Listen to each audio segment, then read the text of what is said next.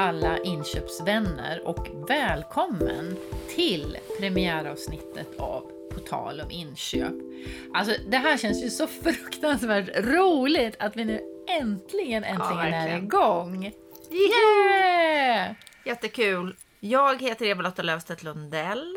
Jag eh, är en sann entusiast eh, när det gäller att prata om inköp. Det är därför vi har startat den här podden. Att vi tycker att det är roligt. Precis. Ehm, Jag har arbetat i vardags på SKL Commentus. Jag har gjort det några år. Och jag heter Helena Brynolfsson och jag brinner också verkligen för det här området och jag är grundare av den lilla men vassa inköpsfirman Prosorcia. Yes. Den här podden, eh, det har blivit vårt gemensamma lilla fritidsintresse kan man säga. Och det här är någonting som vi gör utanför vårt arbete, men det hänger ju självklart ihop med det vi gör också professionellt. Vi kom på att vi skulle starta en gemensam podd för att vi tycker att vi har en gyllene kombination. Vi kan ju börja med vår bakgrund. Vi har ju båda, på, båda två förlåt, pluggat i Linköping för många herrans år sedan. Just det. Och sen eh, stötte vi på varandra efter ett antal år och eh, upptäckte att vi båda hade gått en professionell bana inom inköp. Du framförallt inom privat sektor och jag framförallt inom offentlig sektor. Och eh, eh, det gör ju att när man ska prata om de här frågorna så bidrar vi med lite olika ingångar och har lite olika erfarenheter men ändå är det samma frågor.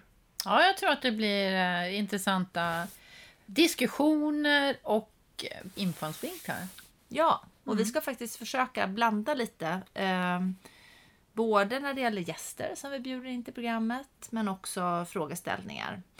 Så vi blandar och ger mellan de här olika perspektiven. Så förhoppningsvis så kommer du som lyssnar, oavsett om du jobbar idag inom privat sektor eller i, offentlig sektor, att få höra på spännande ämnen, intressanta diskussioner och eh, gäster som eh, du är nyfiken på.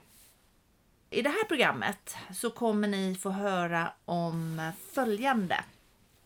Vi har ett aktuellt ämne. Det startar vi med varje gång har vi tänkt.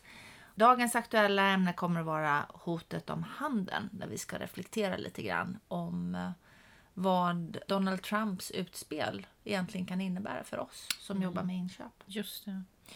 Sen kommer vi att titta lite närmare på SOI. SOI står för Sveriges offentliga inköpare. De har en årskonferens i april. Och sen har vi också intervjuat vår första gäst, den eminenta Emma Breheim, inköpschef Luleå kommun. Och med henne så pratar vi om uppväxten i Malmberget och hur den har präglat henne både professionellt och eh, som person. Hennes roll som ordförande i SOI. Och naturligtvis hennes roll som inköpschef. Och vi diskuterar framförallt kompetensutveckling i olika former och får tips av Emma hur hon gör för att få inköpare och upphandlare till sin organisation. Ja, det var en riktigt eh, rolig intervju att göra måste jag säga. Ja, väldigt, Eh. väldigt spännande person. Ja, och, Och, eh, många kloka tankar. Precis, så nu är jag väl Lotta, nu kör vi! Ja, nu kör vi igång. Och då börjar vi med veckans aktuella ämne, eh, hotet om handeln. Ja, för några veckor sedan så stod det ju klart att eh, Donald Trump tänkte sätta America first och han eh, infriar det löftet genom att införa då tullar på aluminium och stål som ju slår ganska hårt mot många i EU. Och EU har å sin sida hotat med att eh, belägga avgifter och tullar på amerikanska varor. Och någonstans där så är man ju orolig för att kriget kommer komma igång liksom, på handelsnivå. Efter eh, ganska många år där det snarare har gått åt andra hållet. Där man har eh, ökat möjligheterna eh, för frihandel. Så blir man ju lite lätt orolig. Om du hade suttit som inköpschef nu någonstans på något företag och eh, förstått att det kan hända saker ganska snabbt här. Vad eh, hade du gjort då? Eller vad tycker du att man ska göra och tänka på just i det här läget? Jag tycker ju att man generellt sett, eh, eller så har jag alltid jobbat, ska ha en, en, en spaning omvärldsmässigt. Vad, vad sker i min omvärld som kommer kanske eller definitivt att påverka då mitt, mitt roll som, som inköpschef. Och i det här specifika fallet då så bör man ju först kanske kika eh, efter hur stor del av det här som eventuellt nu då kommer att få tullen på sig har jag som viktiga eh, produkter och tjänster som jag köper in till min verksamhet. Som du är väldigt beroende av. Ja, som man är väldigt, antingen då att det är väldigt stor volym eller att det kanske är väldigt liten volym men det är ändå kritiskt eh, en sån här flaskhalsprodukttjänst mm. eh, som jag måste hålla koll på. Så låt säga att du hade varit extremt beroende av jordnötssmör i din produktion. Ja, precis. Där någonstans hade Just du börjat det. agera. Vad ja, hade du gjort då, då? Ja, eller jag hade försökt eh, spana innan för att liksom förutse lite, kommer det här att inträffa? Och då har redan lagt olika scenarier beroende på vad som, som sen inträffar. Ska jag terminsäkra mitt jordnöt, om man nu skulle kunna göra det om det är som en råvara? För det han har gått in på framförallt eh, Trump då, det är ju råvaror och då kan man ju säkra priserna för olika perioder, ungefär som man köper in ja, faktiskt aluminium och stål idag till Sverige. Mm. Eh, eller råvaror inom till exempel livsmedelsindustrin. Så det är en del, men också att Eh, kanske börja titta på alternativ. Om jag nu har en stor del av det som kommer att belastas av tullar och avgifter. Ska jag fortsätta med de leverantörerna eller måste jag börja titta på alternativ för att få en annan, mm. en annan prisbild? Jag tror också, som alltid,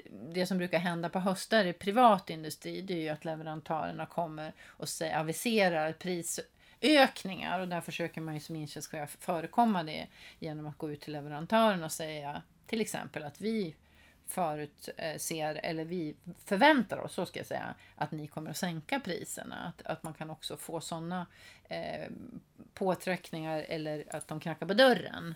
Tänk... Um, men var, vara beredd mm. och, och, ligga, lite, ligga lite steget före och ha olika alternativ beroende på vad som kommer att ske. Då. En sak som jag tänker på, eh, om man nu är extremt beroende av jordnötssmör i sin verksamhet. Ehm, då kanske det från början är ganska dumt att bara ha en leverantör som levererar jordnötssmör. Man kanske åtminstone ska tänka att man har Ja, man har någon multiple sourcing strategi mm. så man säkerställer mm. att man har några alternativ. Absolut. Och i det här fallet kanske man ska gå in och titta då på vilken leverantörsbas man har att jobba med när det gäller jordnöts Lever Precis, denna, denna stora fråga. Eh, mm. Jo, så kan det ju vara om du har en, men det kan ju även vara så att du har tre eh, jordnötssmörsleverantörer varav en är ifrån USA och de andra är från något annat ställe och att du ser över fördelningen på det, mm. eller du kanske kapar den där. Mm. Eh, så visst kan det vara så. Eh, jag tänkte att vi skulle kasta oss över till ett helt annat ämne. Eh, Tycker du? Ja. Jag vill gärna fortsätta prata om jordnötssmör tycker du är lite tråkig Helena. Nej men, nej, men det där är intressant. En, en annan sak bara innan vi avslutar den här, eh, den här eh, frågan om handelshinder. Jag tänker att det är så mycket spekulationer eh, om vad som kommer att hända. Och det är väldigt svårt att hålla koll på vad det är egentligen som är eh, att man skramlar med sina vapen mm. och eh, vad som faktiskt kommer att inträffa. Och det jag är lite orolig för det är att leverantörerna kommer ta det här tillfället för att i sin tur gå in och förhandla upp eh, priser trots att man inte riktigt vet om det har inträffat. Har du varit med om det någon gång eller ser du en sån risk? Eller tror du att man kommer, det vill säga de vill själva inteckna, eh, säkerställa att de mm. får den marginal de behöver på sina produkter som kanske skulle riskera att bli dyrare för att deras insatsvaror blir dyrare. In, inte exakt den här händelsen som jag nu har jag varit med om, men, men det är ju väldigt vanligt igen som jag sa att, att leverantörer kommer oftast på hösten och önskar högre priser på grund av ditten dutten. Mm. Eh, och det måste man faktiskt då syna. Mm. För det är inte alltid säkert att det är sant. Och ibland kan det vara så att de baserar, de så att säga ljuger inte, men det de baserar sin argumentation på stämmer inte. Eh, och, och det går att synas. Mm. Men igen så kommer det tillbaks till att den som har så att säga gjort sin hemläxa och den som kan sina områden bäst eh, kommer ju bäst ut ur en sån här situation. Mm. Så att jag skulle inte säga att bara för att de säger det att man godtar det och, och så att säga godkänner utan det här måste man liksom syna. Är det här eh, de facto eh, sant? Och sen får man ju också titta lite kontraktuellt har de så att säga rätt att göra det här inom det kontrakt som finns. Sen så vill vi ju inte naturligtvis att om det är en leverantör som är väldigt beroende av och det, det här relationen fungerar fantastiskt bra, vi är väldigt nöjda med det vi får, att de skulle kunna gå i konkurs på Mm. grund av att de får en 25 i prishöjning. Så det här får man ju alltid ta från fall till, till fall. Mm. Så det du säger är man ska vara lite, man ska förekomma snarare än att förekommas.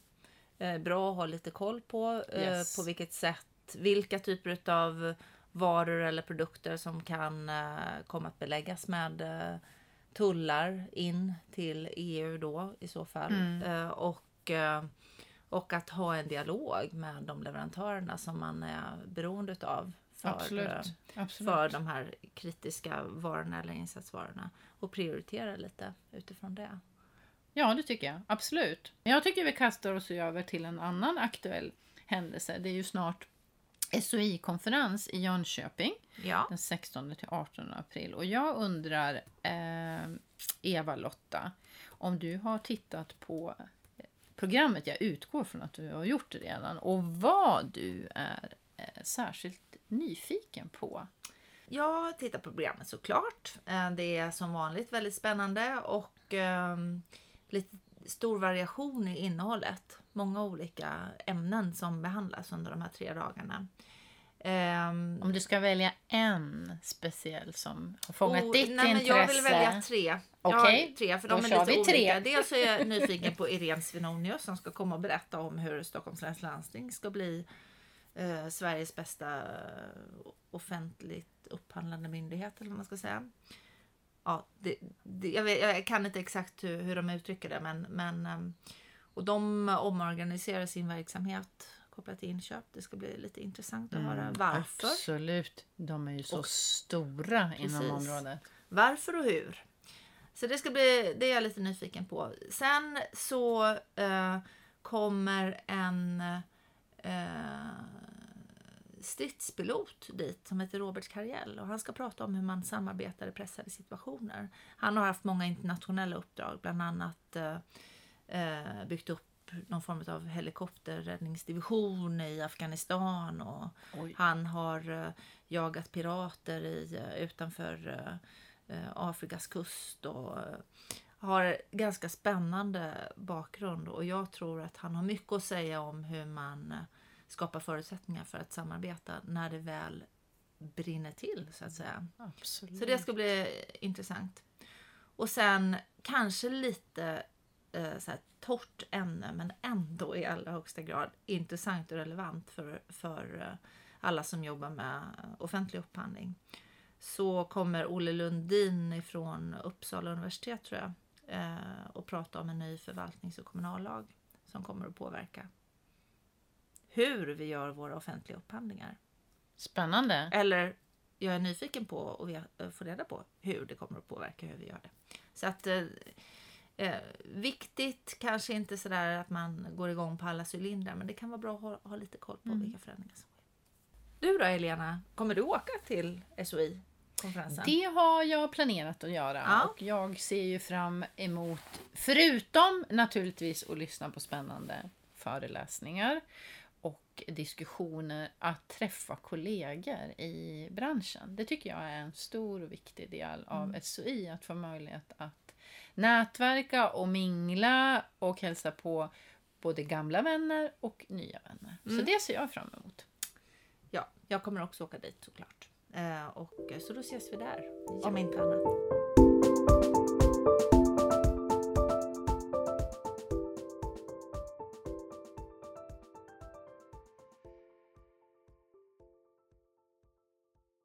Välkommen hit Emma! Vår första gäst i vår podd. Det Yay! känns jättekul. Emma Breheim, du är inköpschef i Luleå kommun och ordförande i SOI. Ja. Och vi har ju ett förflutet tillsammans kan vi säga. Så det känns tryggt att ha dig här i vårt första program, premiärprogrammet. Eh, vad bra! Vi eh, är jättenyfikna på dig och eh, ja, både i din roll som du har nu i, eh, som inköpschef i Luleå men också som ordförande i SOI. Men vi skulle faktiskt vilja börja lite grann från början och eh, eh vill att du berättar lite grann om dig själv och varför, liksom om din resa.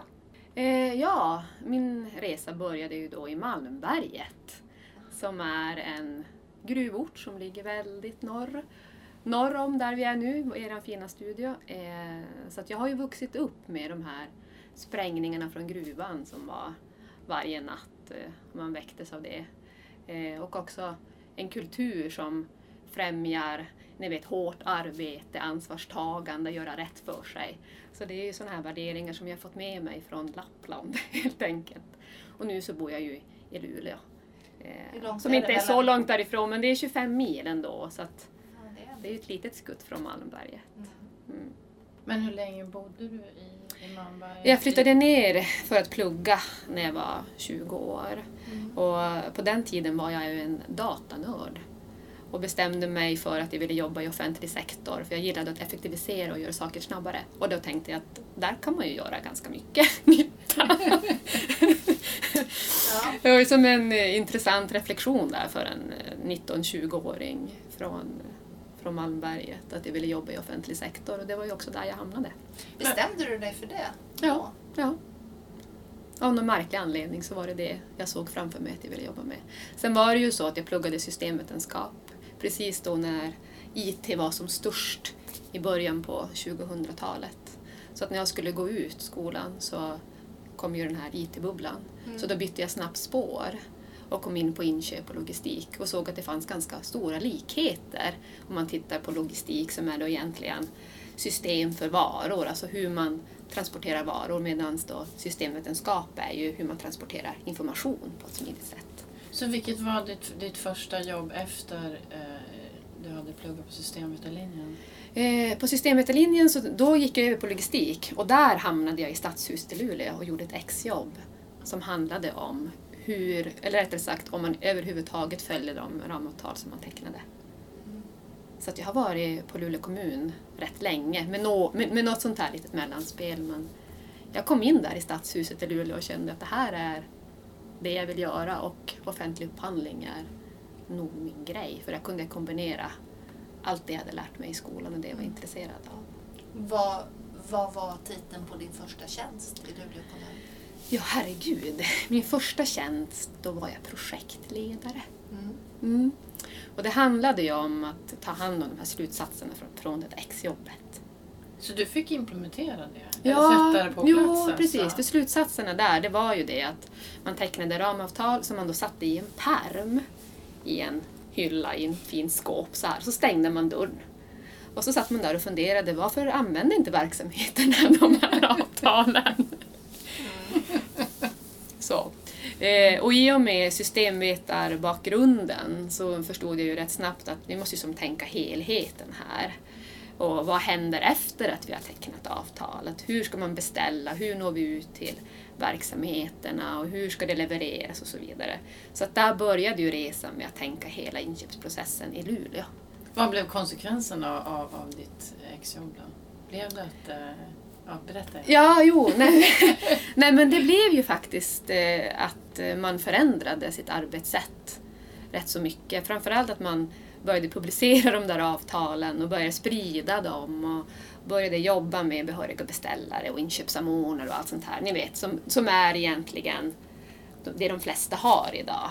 Men då, i början på 2000-talet, så var det kanske inte så många som tänkte så. Jag tänkte ju säga det, du, i början på 2000-talet var detta? Ja, 2004 mm. var det, tror jag. Ja. Och sen? Och sen, så, det, här, det, är så, det är så länge sedan, det är det som är så roligt. Då förstår ni så var det ju så att det fanns ju ingen personalomsättning bland offentliga inköpare. Så att inköpschefen i Luleå han sa så här, ja Emma du har gjort ett jättebra jobb här. Men det finns ju inga möjligheter för dig att få fortsätta. Det är ju när jag går i pension, det är om 15 år kanske. Ja, så. Ja. Så att, eh, ja, och så fick, och så fick jag liksom bra referenser. Så hamnade jag på energibolaget och jobbade som tekniker i några år.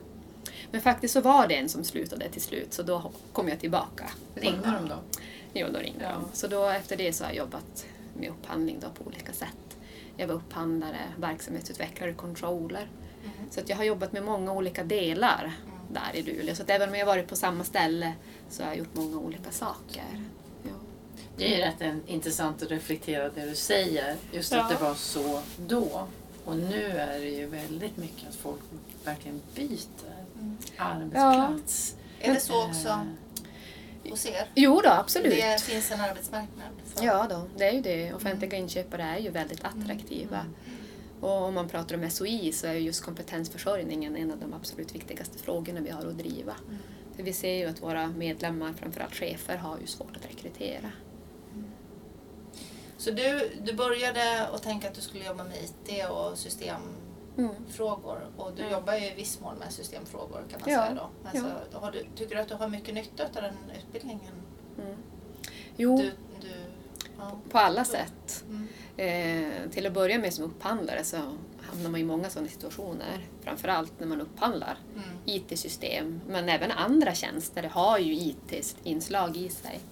Eh, men sen är det också bara min, mitt eget arbete vill jag ju effektivisera hela, hela tiden och då är det jättebra att kunna IT och system och ha lätt att lära och förstå vad som händer bakom och sådär. Du var ju inne på det där, eh, din bakgrund, att du kommer från Malmberget och Ja. det där med att liksom, eh, vad heter det, hugga i och göra, Mm.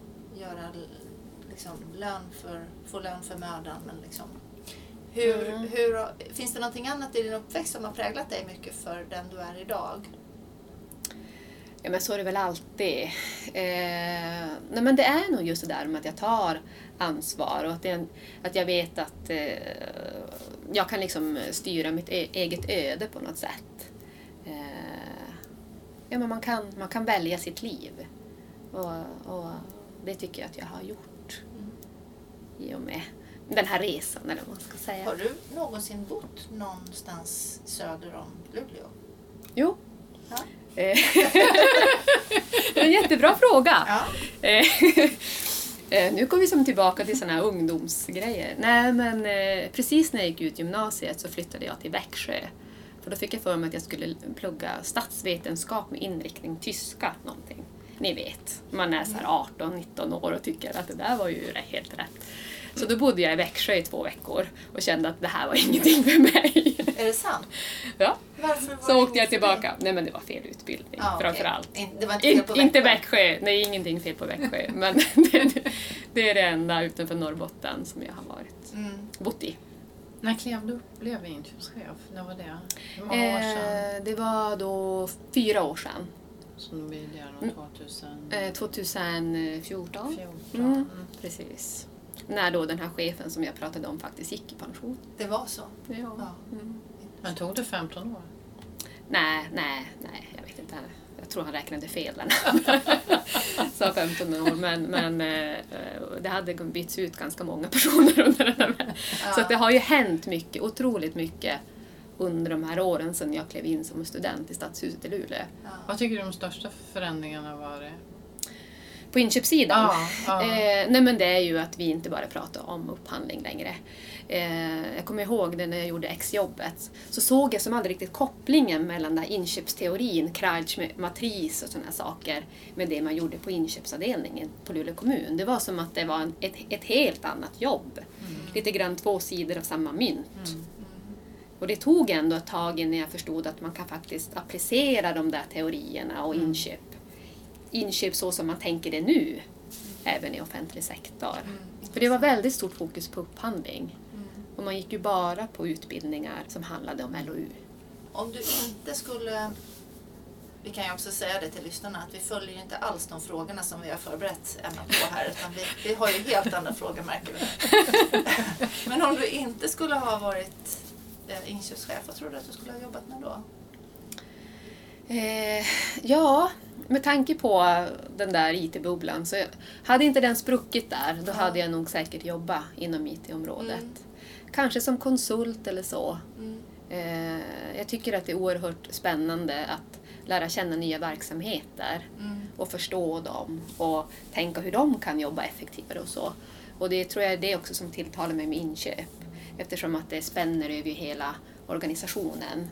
Man är ju inne i allting i en kommun och det är ju verkligen allt från ja, men, ni vet, brandbilar, blöjor, skärgårdsbåtar, eh, musikfestivaler. Det är Liksom. det som är så roligt. Mm. Att man lär sig så otroligt mycket i det här yrket. Ja, Och får så otroligt många olika, möter så många olika branscher och verksamheter. Och, jo, och framförallt så oerhört många kompetenta människor. ja. som kan så mycket och som brinner för sina saker. För är det någonting jag älskar så är det ju engagemang. Det är typ det bästa ordet jag vet. jag älskar när man är engagerad i sin fråga Mm. och att det märks på riktigt. Mm. Ja, det tycker jag också stämmer. Mm. Eh, ser du, du som har, verkligen har en IT-bakgrund och, och kan mycket inom området nu, att även digitalisering kommer komma in på vårt område. Eh, har ni börjat jobba med några sådana frågor din inköpsavdelning? Ja, men digitalisering, det har funnits många olika ord för digitalisering genom åren. Så, eh, så att det fin- finns ju som alltid på agendan. Eh, men, eh, ja vad ska jag säga? Jag tycker att vi ändå inom upphandling kanske borde gå åt andra hållet. Hur menar du då? Eh, Ja, nej men alltså självklart, det, det, när vi upphandlar så ska vi ju tänka smarta system och lösningar och öppna upp för verksamhet eller för leverantörer att lösa våra problem, kanske med digitala tjänster eller produkter och sådär. Men själva affären måste ju bli mindre digital.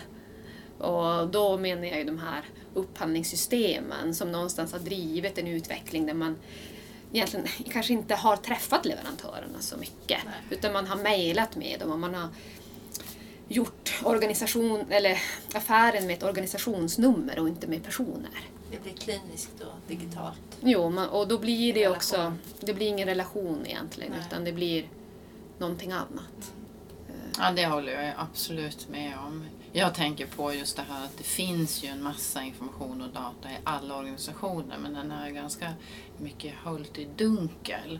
Ja. Och Det skulle jag vilja se att, att vi kunde kombinera och, och analysera och få den till ett information som man faktiskt kan fatta beslut om. Ja, men, ja. Eh, Och där är det ju, där är ju på väg nu ändå, tack och lov, det här lagförslaget om obligatorisk e-faktura. Men nu så ser det ut som att det bara kommer att handla om upphandlade kontrakt. Och de leverantörerna, inte alla leverantörer. Och då tänker jag, datanörden Emma, att hur ska det gå då till? Hur ska vi kunna göra någon bra spännande analys och sådär? Jag vill ju gärna se att man kan kategorisera alla inköp för att verkligen få kontroll på även det som inte är upphandlat eller direkt upphandlat.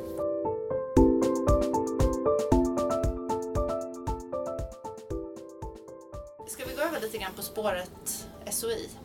Ja, vi Du- trillar ju in du där sitter ibland. ju som ordförande i SOI Mm. sen, det är snart två år tillbaks. Ja, det är Mm. snart två. Mm. Precis. Eh, och eh, kan du berätta lite om organisationen som sådan för lyssnare som inte riktigt vet? Mm. Sveriges offentliga inköpare, vad är det? Ja, SOI. Eh, det är en förening som har funnits ganska länge, sedan 1979 faktiskt. Så vi firar ju 40 år nästa år. Eh, vi har 1400 medlemmar som jobbar med offentliga inköp inom både kommun, stat och landsting. Eh, det är de som gör det praktiska jobbet, Mm. helt enkelt. Eh, det SOI gör för, dem- för med sina medlemmar men även för andra inköpare, man kan ju säga inköp i stort i offentlig sektor, det är ju att eh, sätta, sätta den strategiska frågan i fokus och också bredda så att vi inte bara pratar om upphandling utan hela inköpsprocessen. Helt enkelt, hur kan man använda upphandling, inköp för att uppnå högre kvalitet, bättre ekonomi och också samhällsutveckling. Vad har du för förväntningar på årskonferensen i år då? Vad ska man hålla lite extra utkik efter när man är där? Mm, årskonferensens styrka är ju att du kan träffa dina kollegor där. Att man kan nätverka och lära sig av varandra. Det finns så många goda exempel bara över kaffet och över lunchen som man kan ta del av. Sen har ju vi gjort ett program som vi tar fram själva i styrelsen och alla vi som jobbar, som är i styrelsen, vi jobbar ju också som inköpare på olika sätt. Eh, vi har försökt bredda programmet så att det täcker egentligen hela inköpsprocessen, inte bara upphandling utan Mm. det finns även eh, spår kring e-handel och uppföljning och sådär. Eh, Men om man går in på enskilda föreläsare så tycker jag själv att det är spännande en föreläsning som Anna Bennick Karlstedt, tror hon hette, skulle ha som handlar om just hur man jobbar arbetsmiljö klimatsmart eller något sånt. Med tanke på den här metoo-kampanjen. Att vad innebär det egentligen att ha högt i tak? Och hur kan man jobba på ett bra sätt i sin organisation? Men jag tänker också affärsklimat. Att hur kan man jobba bra med sina leverantörer och inköpare och sådär. Så den tycker jag är väldigt intressant. Eh, sen, har vi någon annan som heter Den språkbegåvade upphandlaren som jag tror kan bli ganska spännande. Det handlar ju väldigt mycket om kommunikation i Ja. vårt arbete. Absolut. Absolut. Både skriftligt men inte minst liksom Mm. muntligt och Mm. hur man kan pedagogisera saker och ting. Både när man jobbar med en verksamhet men också gentemot de parter man har att göra med. Ja. Men det är en väldigt svår fråga där Eva-Lotta. Du ber mig liksom välja ur massor av Har, fina... har ni något eh, som ämne eller fokus för just konferensen i år? Finns det något tema? Nej, utan det är snarare så att vi försöker tänka utifrån hur, hur, hur utvärderingen och sådär har varit tidigare. Vad efterfrågar våra medlemmar? Eh, bland annat så har vi ett rent juridikspår, för det finns ju de som jobbar bara med juridik Mm. och de ska ju självklart också, eller bara med juridik, men mer re- renodlat. Eh, och de ska ju gi- givetvis också hitta, hitta sin plats, även om vi försöker tona ner just juridiken. Så det speglar till viss del kanske, eller helt, just det här faktum som du berättade om tidigare. Just att det är så många olika roller och att det har breddats Mm. Hela vårt område. Ja, och men det absolut. reflekterar konferensen också. Ja, för det är behoven. Ja, ja. Jag gillar ju verkligen konceptet som ni också Mm. lyfter fram. Att det är av upphandlare eller inköpare för upphandlare och inköpare. Att, det, är, Mm. att det är ni som sitter i styrelsen som har tagit fram programmet. Och att det är sånt som ni verkar tycka är viktigt. Det är ingen annan som sätter agendan åt er. Nej, det är verkligen så. Det är, ju, det är vi i styrelsen, vi har en arbetsgrupp Mm. som sitter och funderar på vad tror vi kan vara bra för den offentliga inköparen att få med sig från den här konferensen. Och då försöker vi tänka brett. Sen är det ju så att numera är ju vår årskonferens en av de största i Sverige. Den är nog den största i Sverige. Eh, Så vi blir också uppsökta av personer som vill komma och föreläsa. Men vi, vi håller hårt på vårt, att det är vi som ska bestämma Mm. konferensens innehåll. Vad fick dig att engagera dig i SOI? Ja, från början så var det ju så här, eh, och det tror jag nog ändå att en del känner igen sig i, att när jag började som upphandlare så var det så, ja men man ska vara med i SOI, det är bra rabatter på konferenser. så, men jag säger det för jag tror att det är många som ändå börjar där. Sen så förstår man att ja, nej, men SOI jobbar med just den här frågan som jag saknade då när jag kom in. Att man ska bredda perspektivet och inte bara prata om upphandling. Eh, och det där såg jag ju och tog liksom in i mitt jobb i Luleå. Sen så märkte jag väl ganska fort att det går inte att påverka så väldigt långt när man jobbar ensam i en kommun med den här frågan utan det behöver komma ett tryck uppifrån, nationellt. Och när jag då fick frågan om att engagera mig mer i SOI så tackade jag självklart ja. Vad bra. Vad kul. Vad tycker du är... Eh, Den viktigaste sakfrågan inom SOI just nu? Just nu så är det ju eh, framförallt eh, förenklingarna eh, som vi vill åt. Att vi ska få mer ansvar till att göra en god affär och inte att vi ska bli detaljstyrda. Så att till att börja med så kämpar vi för, för att förenkla reglerna under tröskelvärden. Och ni sitter med i den utredningen? Vi sitter med i utredningen, ja, det gör vi. Mm. Eh, en, en, prakti en praktiker bland alla jurister, eh, typ. Eh, ja, vi får inte säga så mycket om det nu. Eh, Vad är ni i fasen då, jag som vill ha lite mindre koll på offentlig sektor och mer på privat? Va- har ni precis börjat eller? Nej, men de jobbar ju i utredningen och den ska ju presenteras 15 juni. Så då har vi en representant från, från SOI. Men vi kan ju som förening göra även andra saker för att påverka debatten som inte kanske är konkret kopplade till, till utredningen så. Jag tycker generellt sett att det har varit mer fokus i den här utred- utredningen på överprövningsfrågan än på själva Mm. förenklingsområdet kanske. Så här långt vad man har hört. Det Ja. pratas mer om det än vad det pratas om själva förenklingarna. Men vi får väl se. Det ska bli spännande att se vilken impact ni har då på den här utredningen när de väl lägger fram sina förslag. Mm. En annan sak som ni gör på SOI är ju att utse årets inköpare. Som Ja. ni också eh, presenterar på konferensen. Brukar Ja. ni få många tips? Det här är en ledande fråga för jag tror jag vet svaret. Ja, fast nu, nu har vi gjort en eh, insats ändå, så det har kommit in fler än vi har varit med om tidigare. Men samtidigt så är det så här att vi är ganska dåliga på att boosta varandra. Jag vet inte riktigt vad det är. Det, det, inte ska väl jag nominera, sådär. Eh, Ja, så är det kanske. Kanske, jag vet inte om det är jante eller vad det är. Men eh, de, de tips vi får in, de nomineringar vi får in är ju väldigt bra kandidater. Mm. Men jag är helt säker på att det finns många, många fler. Det finns otroligt många duktiga Jo. upphandlare och Så- inköpare. Mm. Är det mest chefer då som nominerar sina anställda eller kollegor eller blandat? Det är blandat, det är också leverantörer vad som kul. eh, är nominerar. Nu senast var det en leverantör som hade nominerat Ann-Helén Claesson som blev årets inköpare 2017. Och det, just, just den, att dela ut årets inköpare, är faktiskt också en av de sakerna som jag ser fram emot mest på konferensen. Överraska? Jo, det är, ja, du vet ju Eva-Lotta, det, det är häftigt alltså. Sen eh, vet man ju aldrig hur personen ska reagera när de är helt ovetandes där. Men oftast, äh, eller ja, de blir ju alltid glada. Eh, Men det är också, kan jag tänka mig, en viss nervositet man har när man går upp på scenen där inför 800, eller vad det nu blir, 700-800 personer som sitter och... Fast det är tur att på middagen har de kanske tagit glas. Så går det bra ändå.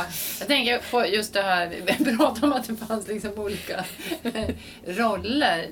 Ni har inte funderat på att ha flera kategorier där av pristagare i takt med att liksom yrkesgruppen också utvecklas?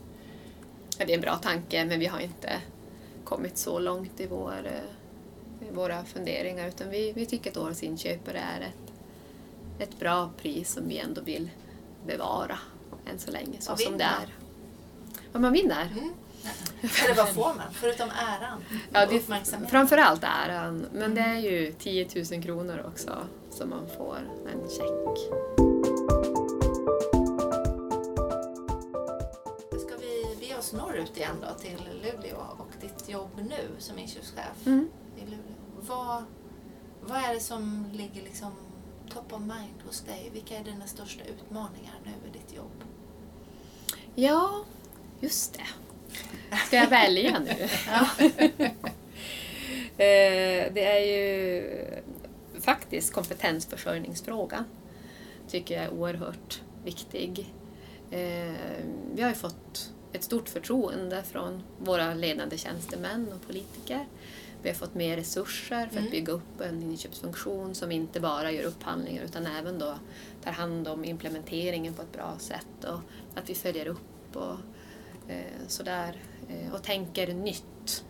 Minskar upphandlingsunderlagen, fråga efter vad och inte hur och så vidare. Jobbar mer med dialog med marknaden. Ja men ni vet, så här. Eh, men det kräver ju också mycket av upphandlaren, inköparen och just nu är vi ute i rekryteringar och, och det är klart att det är ju en utmaning att hitta rätt personer som vågar, sig, vågar ta sig an det här nya och, och vill komma in i en offentlig organisation och finnas med och utveckla. Eh, Så ert mandat har på något sätt vuxit de Ja. senaste åren? ja, Att skopet för det som du är ansvarig för är något annat nu än vad det var när du tillträdde? Ja, Mm. absolut. Och det är ju den sak som jag nog är mest stolt över. Ja. Att vi har kommit dit hän.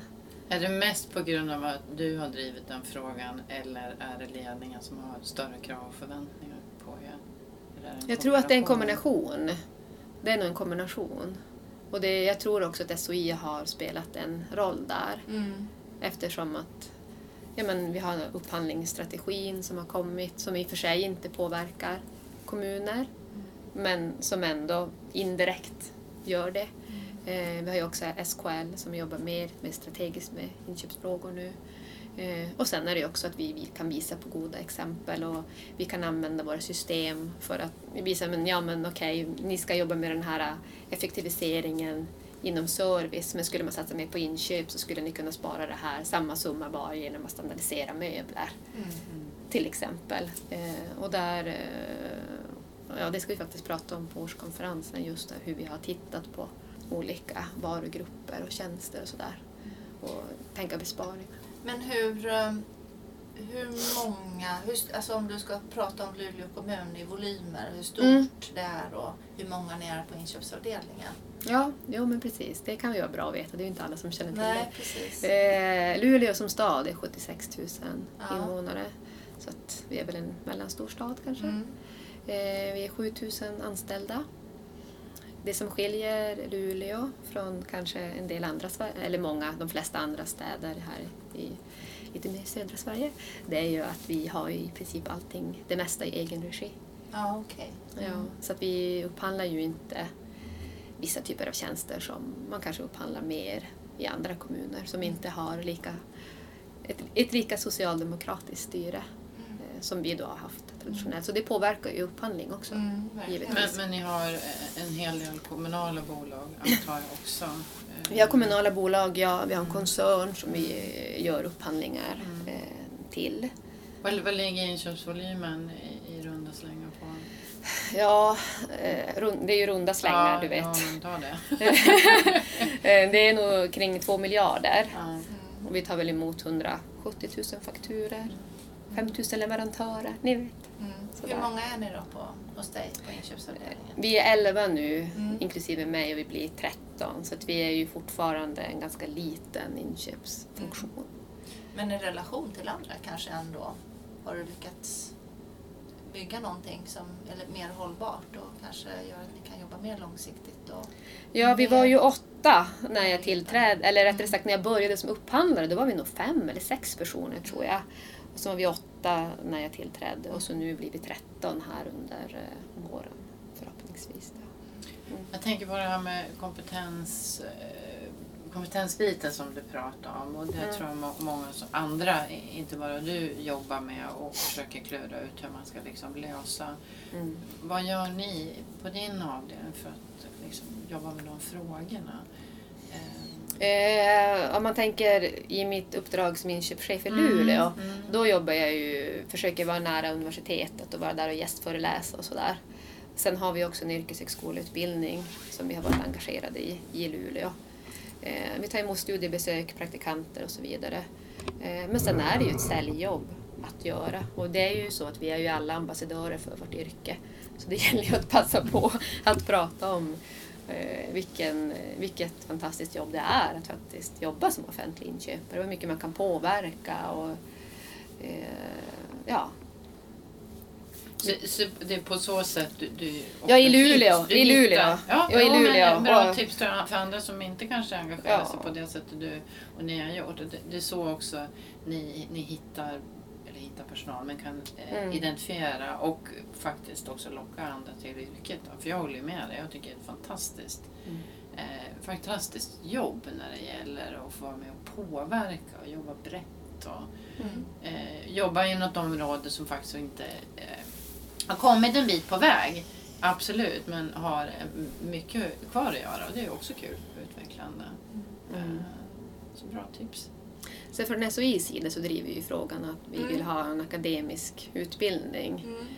eh, och försöka hitta då att det ska finnas då universitet och högskolor som blir intresserade av att utbilda inköpare. Och då är det ju inte bara upphandlingsjuridiken. Eh, och framförallt så är det ju så att inköpen är en sak, men sen har vi också beställarna. Och det är ju, jobbar du, eller blir du ingenjör så är det mycket troligt att du kanske kommer vara antingen på den säljande sidan eller på den köpande sidan Mm. och ställa krav och jobba med upphandlingar på något sätt. Eh, Det är nog inte helt, Vad, helt tänker omöjligt. Du, vad tänker ni där? Var, liksom, inom vilken inom vilken fakultet, höll på att säga, skulle en sån utbildning, akademisk utbildning vara? Eller det- blir det mer tvär...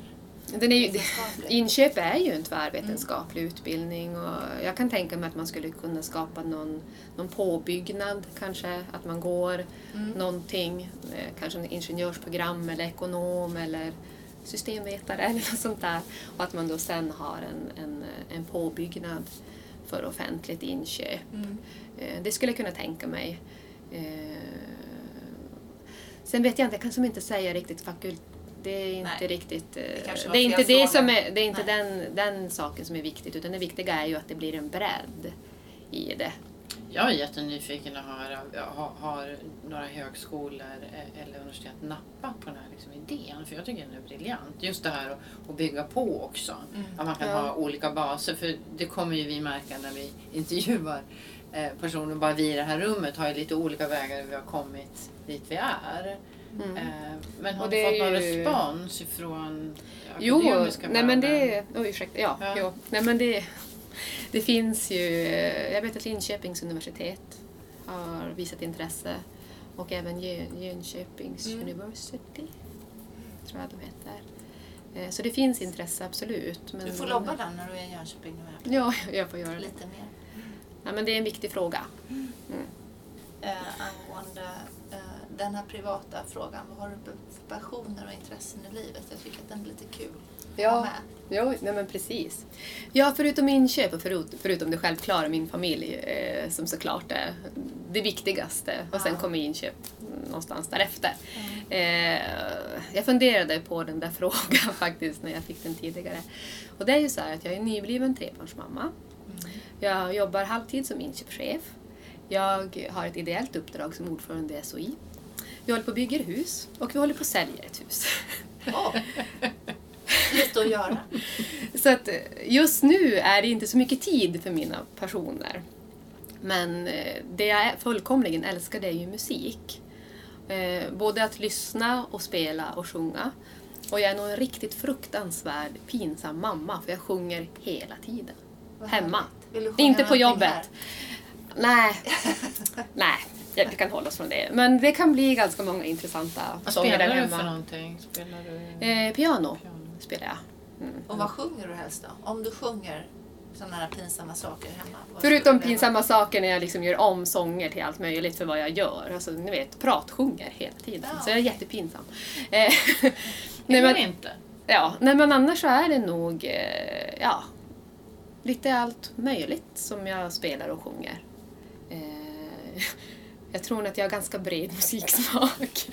Eh, på flyget ner här så vet jag att jag lyssnade på Sven-Ingvars, Tove Styrke och Håkan Hellström. Liksom. Okej. Ja, det var en Härligt tycker jag. Jo, så det, det är nog lite allt möjligt Är det tror lite jag. musik efter humör? Jo, det är det. Och framförallt så gillar jag när låtar växer och har liksom eh, Mm. lite power. Mm. Ja. Härligt.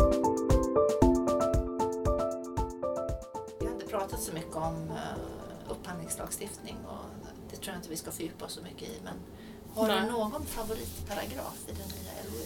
Det finns ju några fina paragrafer där i kapitel 4 Jaha. som eh, är de allmänna principerna. Yay! Ja, Ja. de tycker jag är fina. Mm. Har du någon hatparagraf?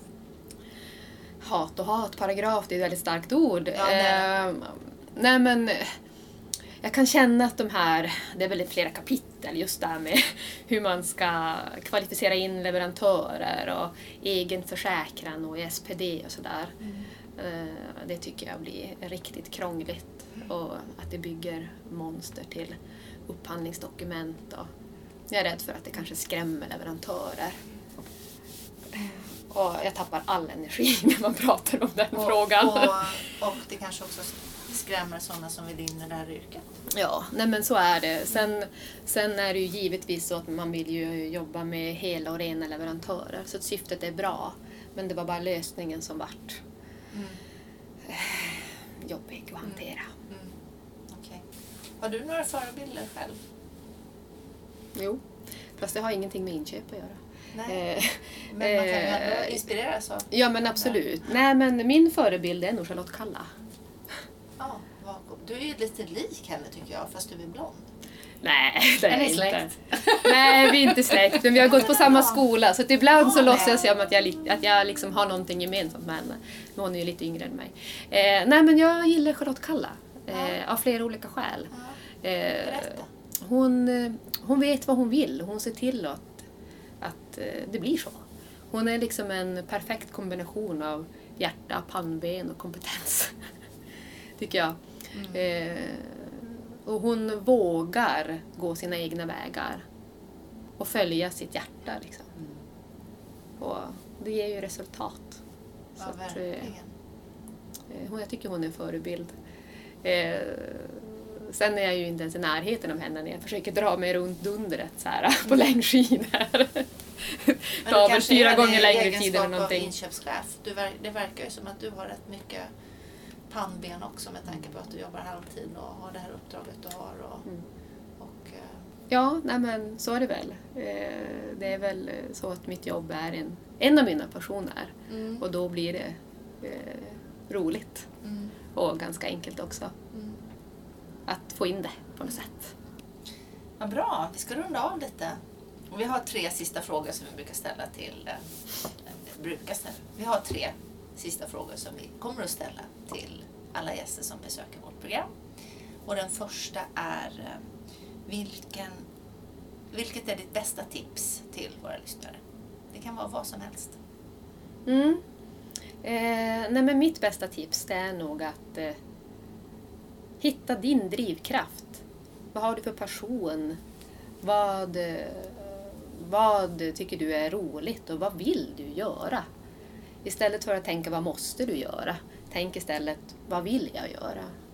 Eh, och skapa ditt liv så.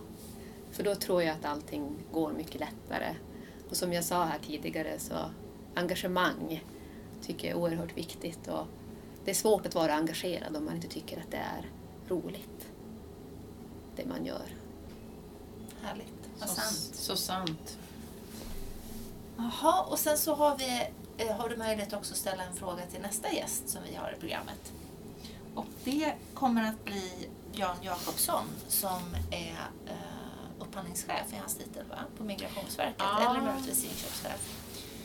Eh, och han har en jättespännande bakgrund också. Han har jobbat på IKEA, han har haft uppdrag i Irak och lite Mm. överallt. Har du funderat ut någon fråga som du vill ställa till honom? Ja, det verkar som att eh, han har en mycket spännande bakgrund och då tänkte jag så här. Vilken av alla hans erfarenheter tror han är viktigast att ta med sig till Migrationsverket? Och eh, varför? Vilken bra fråga. Du kan få formulera alla frågor till våra gäster framöver. Nej, det Bra. tror jag inte. Ni Den gör ju det så bra. Oss, såklart. Mm. Och den sista frågan då. Vem skulle du vara nyfiken på, eller vem är du nyfiken på som du skulle föreslå att vi bjuder in till det här programmet?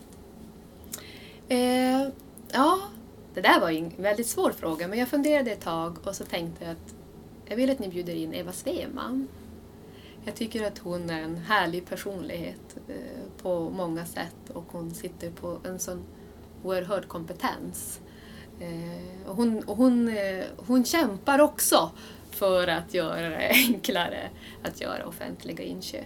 Och de som inte vet vem Eva vad jobbar hon med? Eh, ja, Eva Sveman är förbunds, eh, förbundsjurist på SKL och har eh, en väldigt lång erfarenhet. Och, hon, är också, hon brukar vara väldigt omtyckt när, man, när vi har henne på årskonferenserna. Till exempel så vann hon sån här eh, juridik-battle som vi hade i Helsingborg när eh, del, deltagarna fick rösta med mentimeterknappar. Så eh, drog Eva hem en stor seger där. Så att, eh, henne skulle jag vilja att ni bjuder in. Ja, men då är vi klara för idag. Tack så hemskt mycket Emma för att du kom hit. Jätteroligt att ha det här till vårt, i vårt premiärprogram. Absolut. Och, eh, Tusen tack. Lycka till med allting som du företar dig framöver. Eh, jättespännande tankar som du har delat med dig av och eh, jag ser personligen fram emot att få höra dig sjunga någon gång. Tack Eva-Lotta. Jag är väldigt glad över att jag fick komma hit och hedrad att få vara i denna fina studio, premiärgäst. jag önskar er lycka till nu med den här poddserien. Jag tror att det kommer bli riktigt roligt att följa. Härligt. Tusen tack. Tack. Hej då. Hej då. Hej då! Ja, det var allt för den här gången. Men vad händer nästa gång, Helena? Eh, då kommer Björn, IKEA-veteranen som även har varit och jobbat för EU i Irak och Ukraina och som nu är på Migrationsverket som upphandlingschef. Det ska bli otroligt spännande att höra honom berätta hur han använder erfarenheten både från IKEA men också sina internationella uppdrag i rollen på Migrationsverket som upphandlingschef. Det kommer det bli, så lyssna på oss då. Ja, vi hörs hörni. Hej då! Hej då!